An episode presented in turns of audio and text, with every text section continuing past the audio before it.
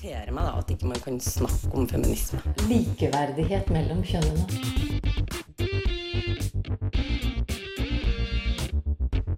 Det blikket på kvinnen på film. handlet det om å bli tatt på alvor som jente. Du hører på Kvinnesaken på Radio Nova.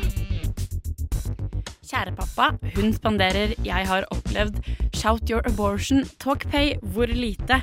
De har det til felles at de er holdningskampanjer som dreier seg om likestilling. Men hvor mye kan egentlig en holdningskampanje endre på?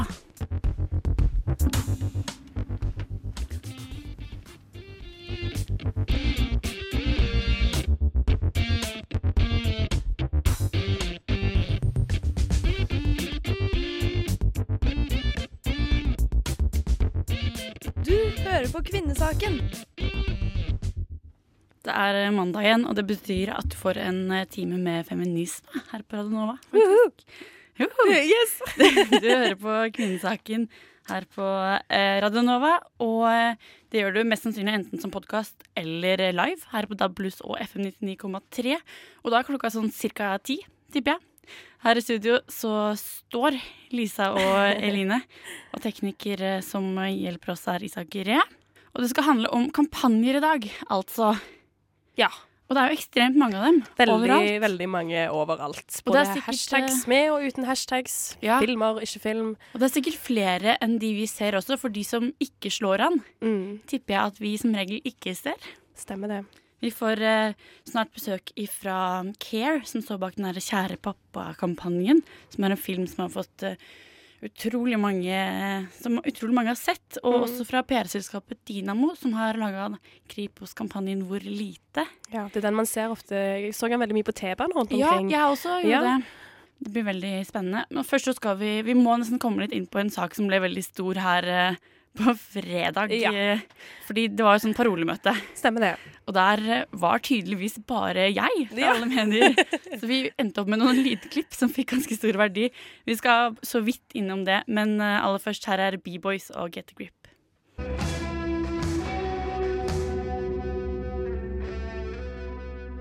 Det var eh, B-Boys med Get a Grip der. Og vi snakker egentlig om holdningskampanjer i dag, men vi må innom en liten sak først, tror jeg. Ja. Det er det her parolemøtet for 8. mars, som var i forrige uke på torsdag. På torsdag, ja. Ja. Stemmer det. Eh, Det var sånn omtrent 50-ish personer som sitter i et rom. og Veldig demokratisk prosess, der man har eh, innstilt paroler på forhånd. Altså denne komiteen som står Altså, bak det. de, som, de plakatene som ble gått med Ja, paroler er sånne eh, store plakater Mm. eller bannere eller liksom hovedtemaer. Ja. Og så skal man stemme over de. Og det kan hvem som helst gjøre fra både som privatperson eller fra organisasjon, da. Eller parti. Ja. Det er akkurat samme. Og så stemmer man. Og det var faktisk egentlig et veldig, veldig rolig møte. Ja. Det, var, eh, det varte veldig lenge, men det var veldig rolig. Og i etterkant så har det blitt eh, hypa veldig opp som noe som kanskje ikke var så rolig i det hele tatt. Mye av det som skjedde her, når ei fra Venstre foreslo at man skulle droppe hegn om sexkjøpsloven-parolen. Du kan høre her. Jeg syns det er på tide at vi ser etter alternative løsninger, som f.eks. bordeller, i stedet for å jatte med den samme eh, sexkjøploven som mange hevder har spilt fallitt. Takk for meg. Det som skjedde etter det her, var jo at eh, Kari Jakkesson svarte det her. Og så syns jeg og så syns jeg at du skal prøve å suge pikk ti ganger i eh, døgnet et helt år for å se hvor gøy det er å selge sex. Medier eh, er jo veldig glad i B-kjendiser som eh, sier pikk. Det ble ganske stort, det her. Eh, men jeg føler at jeg skylder møtet å si at det var et veldig rolig og fint møte. Mm. Og at det er veldig kjipt når de her polariseringene mellom høyre og venstre feminisme blir så utrolig eh, vanskelig, da. Ja. For det var uh, veldig vanskelig for de her jentene fra venstre. Jeg skjønner veldig godt at de har uh, kritisert det her og ville tatt det opp i etterkant. Men så er det jo Altså det er jo helt innafor å foreslå noe sånt, for det var jo liksom ikke noe sånn veldig sånn der Ja, la oss få masse bordeller. Det var jo ikke det det var snakk om. Jeg følte du sa det på en veldig sånn Kanskje til og med bordeller! He-he! Ja, ja, det er noe med det, og det er jo egentlig det er ikke det mest radikale forslaget jeg har hørt heller. Det er nok veldig radikalt i en sånn forsamling der Mange, ja. flesteparten hører til venstre. Men det er egentlig ikke så veldig radikalt, kanskje. Nei. Jeg så at hun eh, Trine Skei Grande lovte å være med på neste parolemøte. Ja. Så da blir det jo i alle fall eh, spennende. vi kommer nok mer inn på det her møtet seinere når vi nærmer oss 8. mars enda mer også. Men vi måtte liksom snakke litt om det nå, siden det var så superferskt. Nå skal vi kjempesnart fortsette å snakke om holdningskampanjer, vi får besøk i studio, men eh, i, i, i mellomtiden Her er uh, La Fonda og Ally.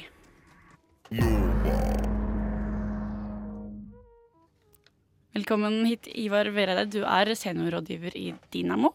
Og dere står bak eh, Hvor lite-kampanjen til Kripos. Og Lisa Sivertsen, du er kommunikasjonssjef i Care, som har denne Kjære pappa-kampanjen, som har blitt uh, veldig stor. Vi kan jo begynne med for de som kanskje ikke har fått med seg kampanjene. Jeg vet ikke, jeg tviler på at det er eh, mange som ikke har fått de med seg. Men eh, hva er det Kan dere kanskje fortelle litt sånn kort om hva de går ut på? Lisa, du kan jo begynne. Ja. Eh, Kjære pappa-filmen som vi lagde, en kortfilm. Mål, målet med den var jo å engasjere flere menn til å snakke om eh, vold og kjønnsbasert vold. Eh, og vi retter oss jo da mot pappaene. Pappaer som gjør en god jobb. Pappaer som kanskje kan engasjeres enda mer i framtida. Eh, så det var målet. Det var å få menn til å føle at kjønnsbasert vold er noe som angår meg. Og jeg kan gjøre noe med det. Mm. Ivar, denne Hvor lite-kampanjen til Kripos da? Eh, I Norge så er det sånn at over 150 000 mennesker utsettes for vold i nære relasjoner hvert eneste år. Sannsynligvis mye flere. Kun én av fire anmelder, så det er et kjempe samfunnsproblem. Og det er jo en menneskerett eh, å leve uten frykt. Eh, så hele denne kampanjen fokuserer på flere ting, bl.a.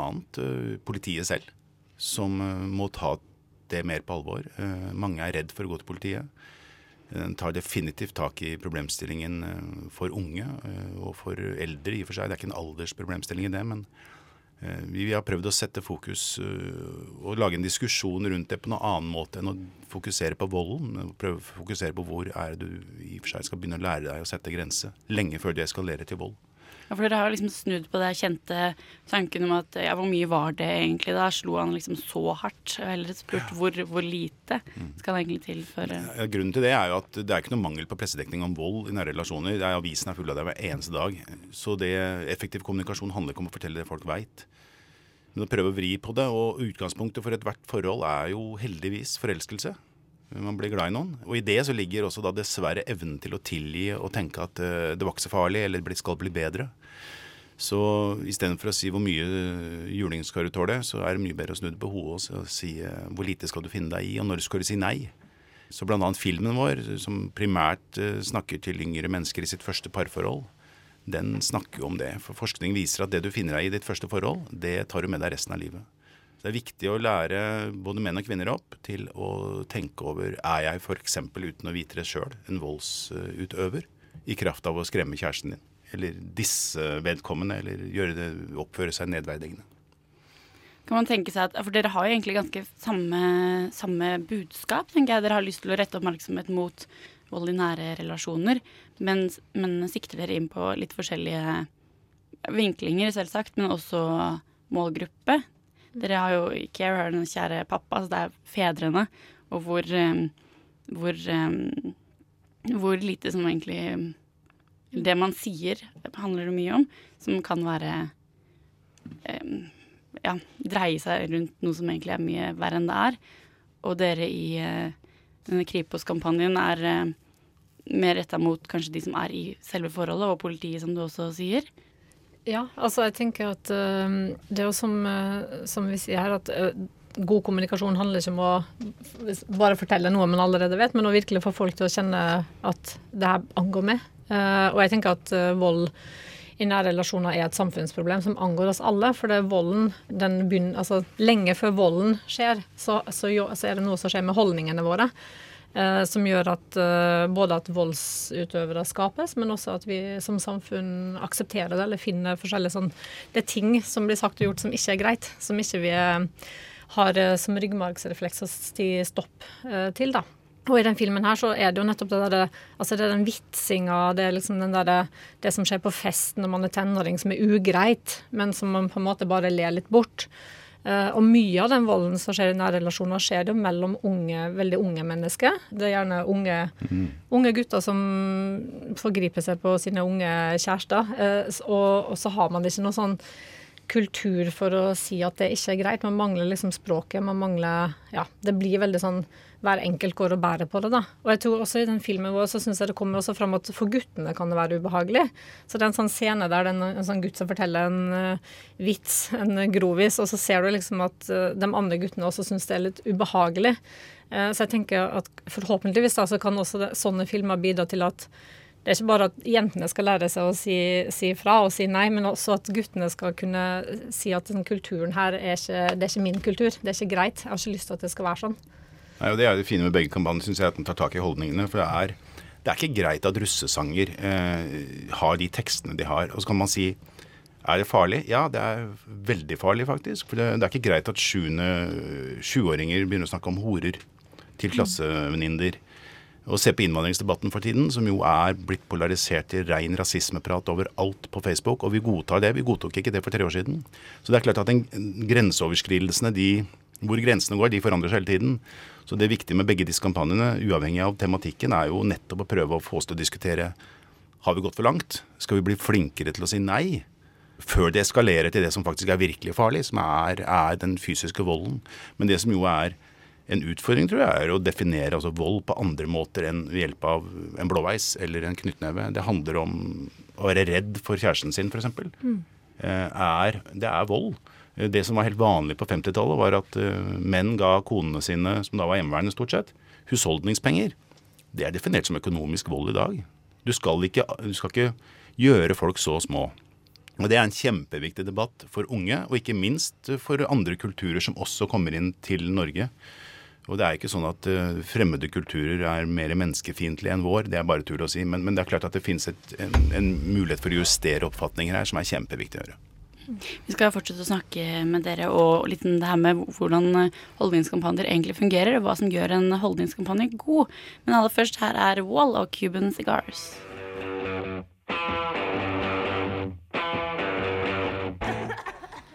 Det var Wall og Cuban Seagar som hosta der til slutt. Og vi snakker om holdningskampanjer her i Kvinnesaken i dag. Og eh, jeg lurer på Dere har jo laga to kampanjer som absolutt kan kalles veldig suksessfulle. Hva er det dere tenker på når dere lager en kampanje? Eller for å lage en bra kampanje? Altså, vi har lagd kampanjer før som eh, jeg tror har vært litt mer sånn flinkiskampanje. At du skal liksom legge fram masse tall og statistikk. Det fungerer ikke så bra. Så det vi har tenkt på her, er å være modig og bare rett og slett spille på følelser. For folk, og det tror jeg er helt avgjørende for at folk skal føle at det angår dem. Eh, så kan du ikke bare snakke til hodene, du må liksom snakke til følelsene og, og få folk til å tenke at uh, Å bære det budskapet i seg, da. Og de reaksjonene vi har fått, er jo nettopp det. At folk sier at den filmen her bare slo meg som en sånn knyttneve i magen. Og jeg begynte å tenke over ting jeg har sagt og gjort, og, og den hang liksom i bakhodet. Og jeg gikk liksom og kjente på den filmen. Uh, og det er den refleksjonen vi trenger da, hvis vi skal kunne jobbe med skadelige holdninger. Mm. Ja, jeg tenker alltid når vi lager kampanjer, egentlig uavhengig av problemstilling. Det kan like godt være å prøve å gjøre noe annet enn det vi snakker om nå, men det handler jo om å si noe som folk opplever som relevant for dem selv, på en måte som gjør at det er eh, Det handler om følelser. Det handler om noe som er viktig for dem. Og da tror jeg man må unngå eh, de store bildene og den store objektiviteten og de store svarene. Jeg tror det er mye viktigere å stille de intelligente spørsmålene og trekke det ned til hva gjelder deg og kjæresten din, eller hva gjelder deg og ditt liv, eller hva gjelder, hva gjelder følelsesmessig det som er viktig for deg. da. Hvis folk skal dele noe, så handler jo det om at de syns det er verdt å dele fordi de føler at det er fint å fortelle til noen andre, som er vennene sine stort sett, du deler med. Uh, og det viser jo også Begge disse kampanjene har noen ekstreme resultater på delingstall. Og det er ikke betalt deling, det er organisk deling. Og det er klart at det er Grunnen til det er jo at man opplever det som relevant og viktig. Fordi jeg tenker også, altså vold, Kjønnsbasert vold er jo, altså det er jo en, ofte, Vi vet jo at det rammer både menn og kvinner. Men vi har hatt uh, mye fokus på den volden som rammer kvinner, fordi den er, den er mer alvorlig um, og rammer flere. Og da, når man snakker om det, så blir det fort sånn kvinnesak. Det blir liksom ikke en sak som angår oss alle.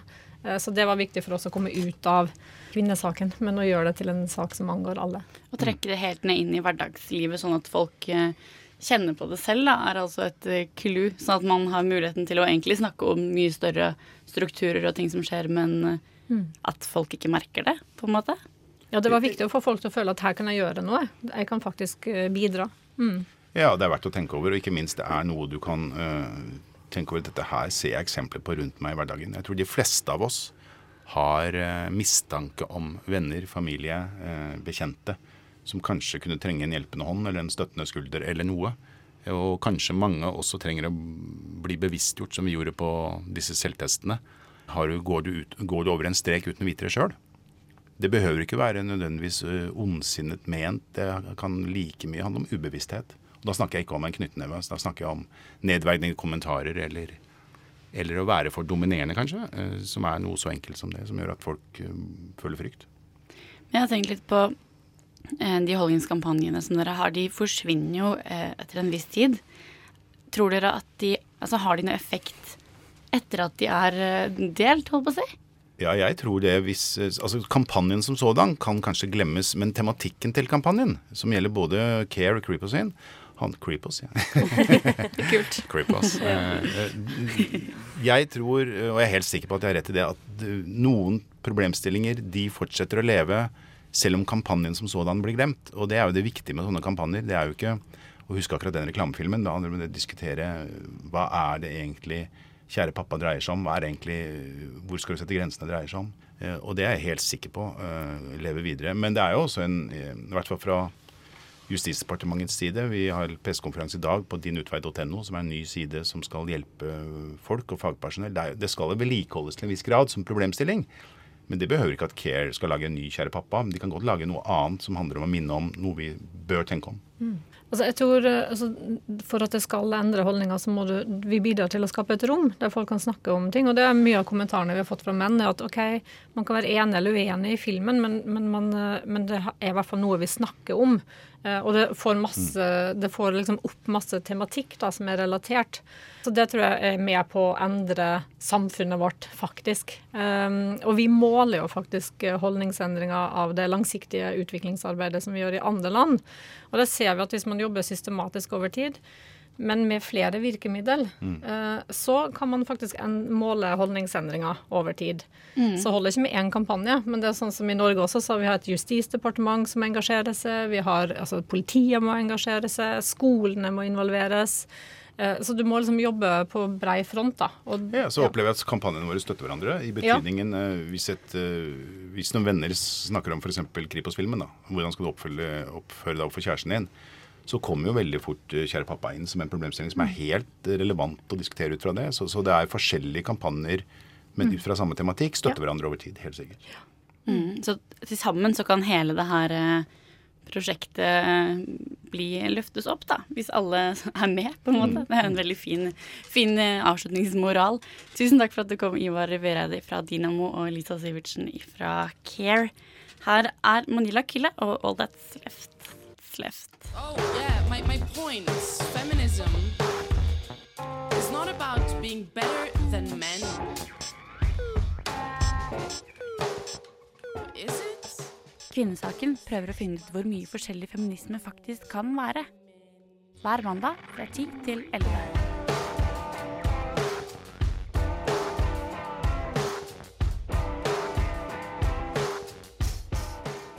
Lisa, husker du når jeg har opplevd kampanjen? Ja. Det, den gikk jo som en fasott på ja. Twitter. Det var jo helt sykt. Det er litt spennende, fordi de sa jo de som var her nå nettopp fra Kripos og, og Care, at de hadde ganske lavbudsjettkampanjer. Men hvis det var en lavbudsjettkampanje, så må jo i alle fall jeg har opplevd vært en lavbudsjettkampanje. Ja. For det var jo bare en hashtag. Ja, bare, bare en hashtag. Ja. Ingenting mer. Ikke noen film eller noen ting, liksom. Nei. Men det var jo veldig mange som eh, hadde forskjellige ting som de hadde opplevd. Og Linda Rosenberg, hun, som er med i redaksjonen vår, hun så litt på det som skjedde etter kampanjen. Oh. Det var jo det som jeg lurte litt på, jeg også, om de faktisk kan endre noe. Hun uh, kan høre her. Jeg har opplevd at en mann ikke ville slutte å ta på meg fordi han mente det var det jeg egentlig ville. Jeg har opplevd butikkjobb. Måtte be nabobutikkens vekter om hjelp til å fjerne mannlig kunde som tvang meg opp mot veggen og befølte meg. Jeg har opplevd at gamle menn spør om jeg tar private oppdrag hjemme hos dem når jeg er på jobb. Du husker den helt sikkert. Jeg har opplevd. Tusenvis av kvinner fra hele Norge brukte sosiale medier til å fortelle om egne erfaringer med seksuell trakassering. Hvorfor ble det så populært å fortelle disse historiene? Altså jeg tror det er en kombinasjon av at det nå ble en anledning, og at dette er et ganske alvorlig samfunnsproblem, og det er mye trykk. Altså det er mange kvinner som har opplevd seksuell trakassering og alvorlige overgrep. En ny, nylig publisert norsk eh, undersøkelse viste at 16, av 16- og 17-årige jenter var det over 13% som hadde opplevd alvorlige overgrep. Og det er mange, og de har behov for å gi uttrykk for det. Det fortalte psykolog Anders Skuterud til NRK. Det er 12. april 2015.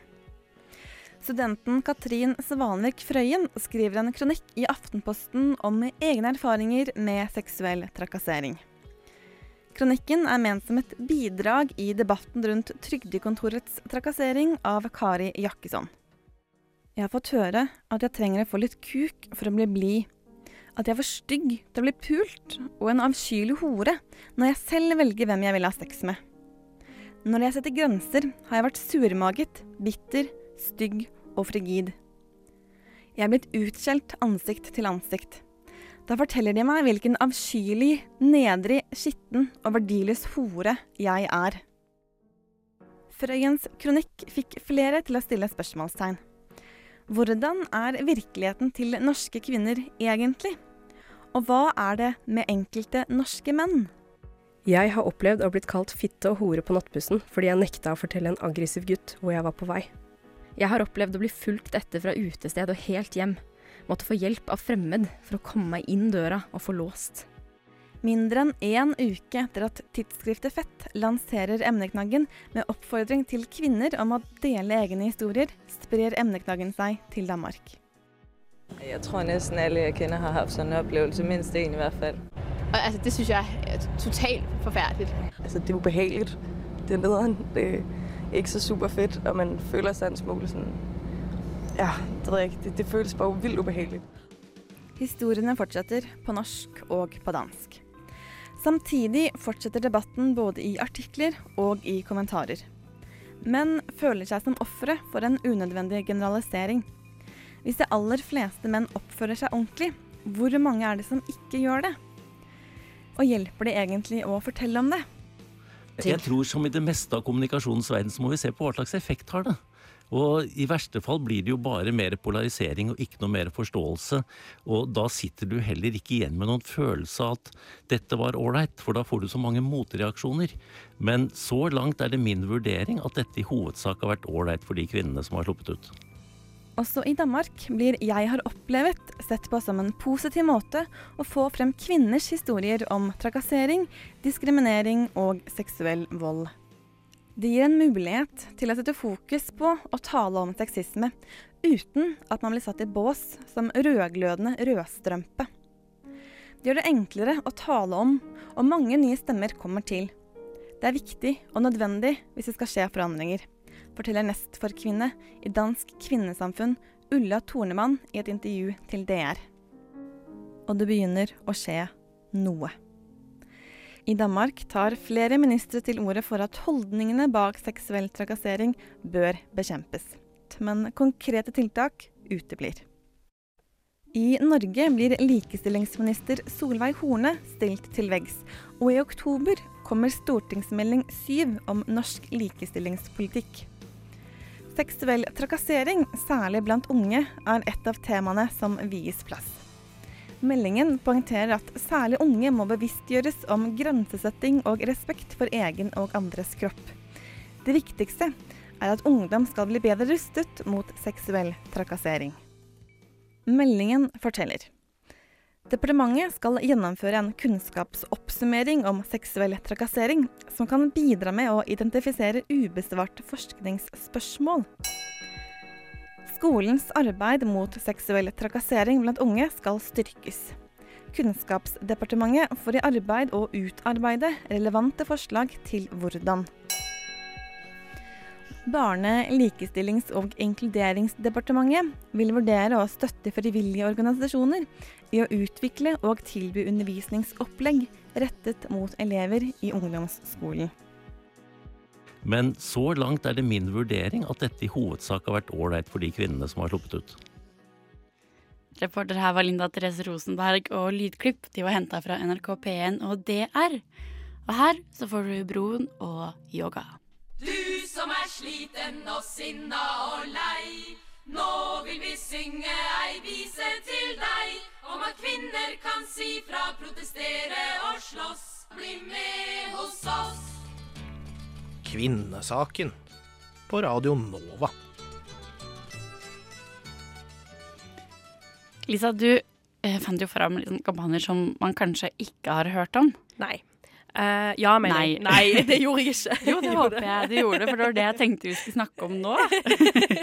jo, det, det stemmer det. Det gjorde jeg. Jeg eh, har leita litt på eh, internett, og da fant jeg både litt sånn internasjonale og en Uh, som iallfall jeg har hørt en del om, men som jeg tror ikke så veldig mange andre fikk med seg. Det var hashtag hun spanderer, for eksempel. Ja. første. Og alle disse her er jo egentlig fra 2015. Denne her var i august.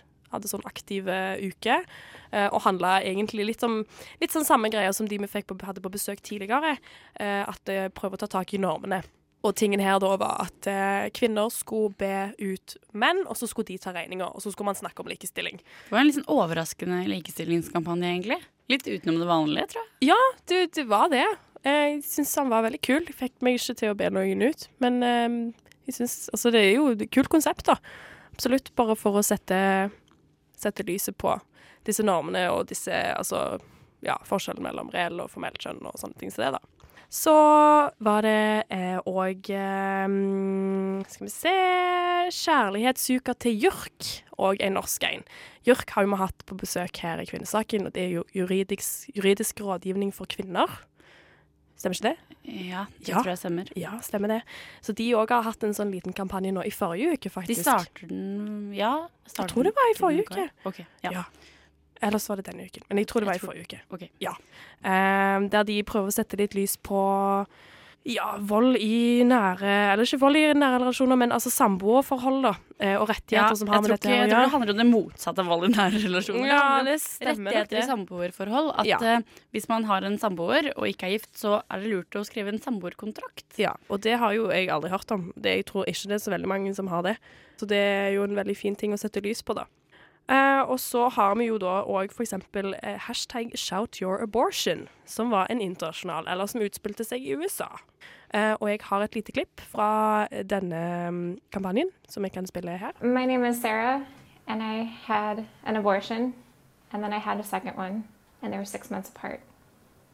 And I would have another one today. You know, I think that this shout your abortion thing is really awesome because I think that um, we need to get the stigma of having an abortion taken away and just let it be known that, you know, a lot of people have them for a lot of different reasons and it needs to be available.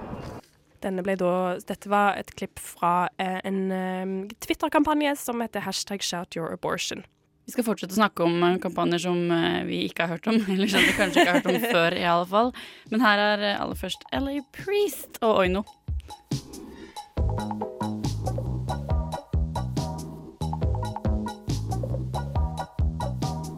LA Oino, og vi snakker om holdningskampanjer her på Kvinnesaken på Radio Nova i dag. Lisa, du, vi snakket litt i stad før den låta her, så hørte vi et lite klipp fra en Shout Your Abortion- Abortion-kampanjen. Stemmer det. Dette var en eh, kampanje som ble starta av eh, ei som heter Lindy West, som eh, ja, så at en venninne hadde delt en, eh, delt en aborthistorie på Facebook. Så tenkte hun kult, dette her er det viktig at folk får med seg. Dette, var, dette vil jeg gjøre noe med, på en måte. Og så delte hun det på Twitter, og så la hun til hashtaggen 'shout your abortion'. Så ble det til en veldig stor ting, da. Og altså, der folk deler aborthistoriene sine, hvorfor de tok abort, eller altså om, negative, om det var negativt eller positivt, altså sånne ting, da. Tenker Dette her er jo noe som er veldig tabubelagt, egentlig i hele verden. Vi så jo ettervirkningene av denne kampanjen her i Norge, til og med. Var Ja? Ja. vi tror i hvert fall vi gjorde det. Vi drev og snakket litt om det at ja, var det noen i Norge? Og det var, ble skrevet ganske masse om. Det var en del som snakket om aborten sin. Så det har kanskje noe med det å gjøre. Ja, men det tror jeg absolutt. Jeg tror det spredde seg, eh, for det ble veldig stort i USA. Og jeg har vært inne og sett på Twitter, og den er fortsatt aktiv, den hashtaggen, selv om det var i fjor sommer at den var populær. Er det sånn at man snakker om både positive Ja, du sa det, både positive og negative sider, så det handler Ja. bare om å snakke om det, på en måte? Ja, og så er det jo klart at det er veldig mange abortmotstandere som bruker den hashtaggen òg. Jeg var inne, og det var veldig mye sånn Det var òg, altså ikke så veldig mye, men det var litt sånn der Å, drepe barn. Ja, slutt, bla, bla, liksom. Hashtag shout your abortion. Men Ja. jeg tenker det er veldig viktig å dele, da. For, å, for, at, for at man skjønner at det er At man på en måte ser hva virkningen det er av, av at man på en måte får lov til å ta abort, da. Det er ikke bare en ting som blir bare holdt i skjul, og at man faktisk forstår viktigheten av det. Mm, at man ikke bare hvisker om at noen har gjort det, men det skjer jo, så man kan jo like liksom godt snakke om det. liksom. Ja, ikke sant? Det får bli siste kampanje ut her i dag, eh, tror jeg. For vi nærmer oss ganske mye slutten. Men eh, her er eh, Sonic Youth og Cool Thing. Og Sonic Youth og Cool Thing helt til slutt her. Og vi skal jo snart gi studioplassen vår over til A-lista her. Så vi må jo bare fort også pakke sammen, holdt på å si. Men vi er selvfølgelig tilbake neste uke, og da skal vi snakke om porno. Yes. Rett og slett. Ja. I alle mulige former, tror jeg. Ja, litt forskjellig. Plukke Ja. litt. Prøve å finne ut hvor mange som egentlig ser på porno. Kanskje. Ja. Og innen tid så kan du iallfall følge oss på i i iTunes og på Instagram. Og hvis det er noe som du syns at vi skal snakke om, så blir vi veldig veldig glad hvis du sier ifra. Mm. Da kan du sende oss en eh, melding på Facebook. Yes. Det blir vi glad for. Veldig glad. Det er alltid veldig kjekt med tilbakemeldinger uansett. Ja. Det er alltid veldig gøy. Alltid gøy. Ja. Tekniker, det har vært eh, Isak Ree. Og her fra studio så takker Eline Hysa og Lisa Aasbø pent for seg. Gjør vi ikke det? Jo da. Takk for at du hørte på oss, og ha en uh, veldig fin uh, mandag. Siste låt ut her er uh, Det er litt disko, tror jeg. I hvert fall ganske funky. Og bandet heter Elsa. Låta heter 1979.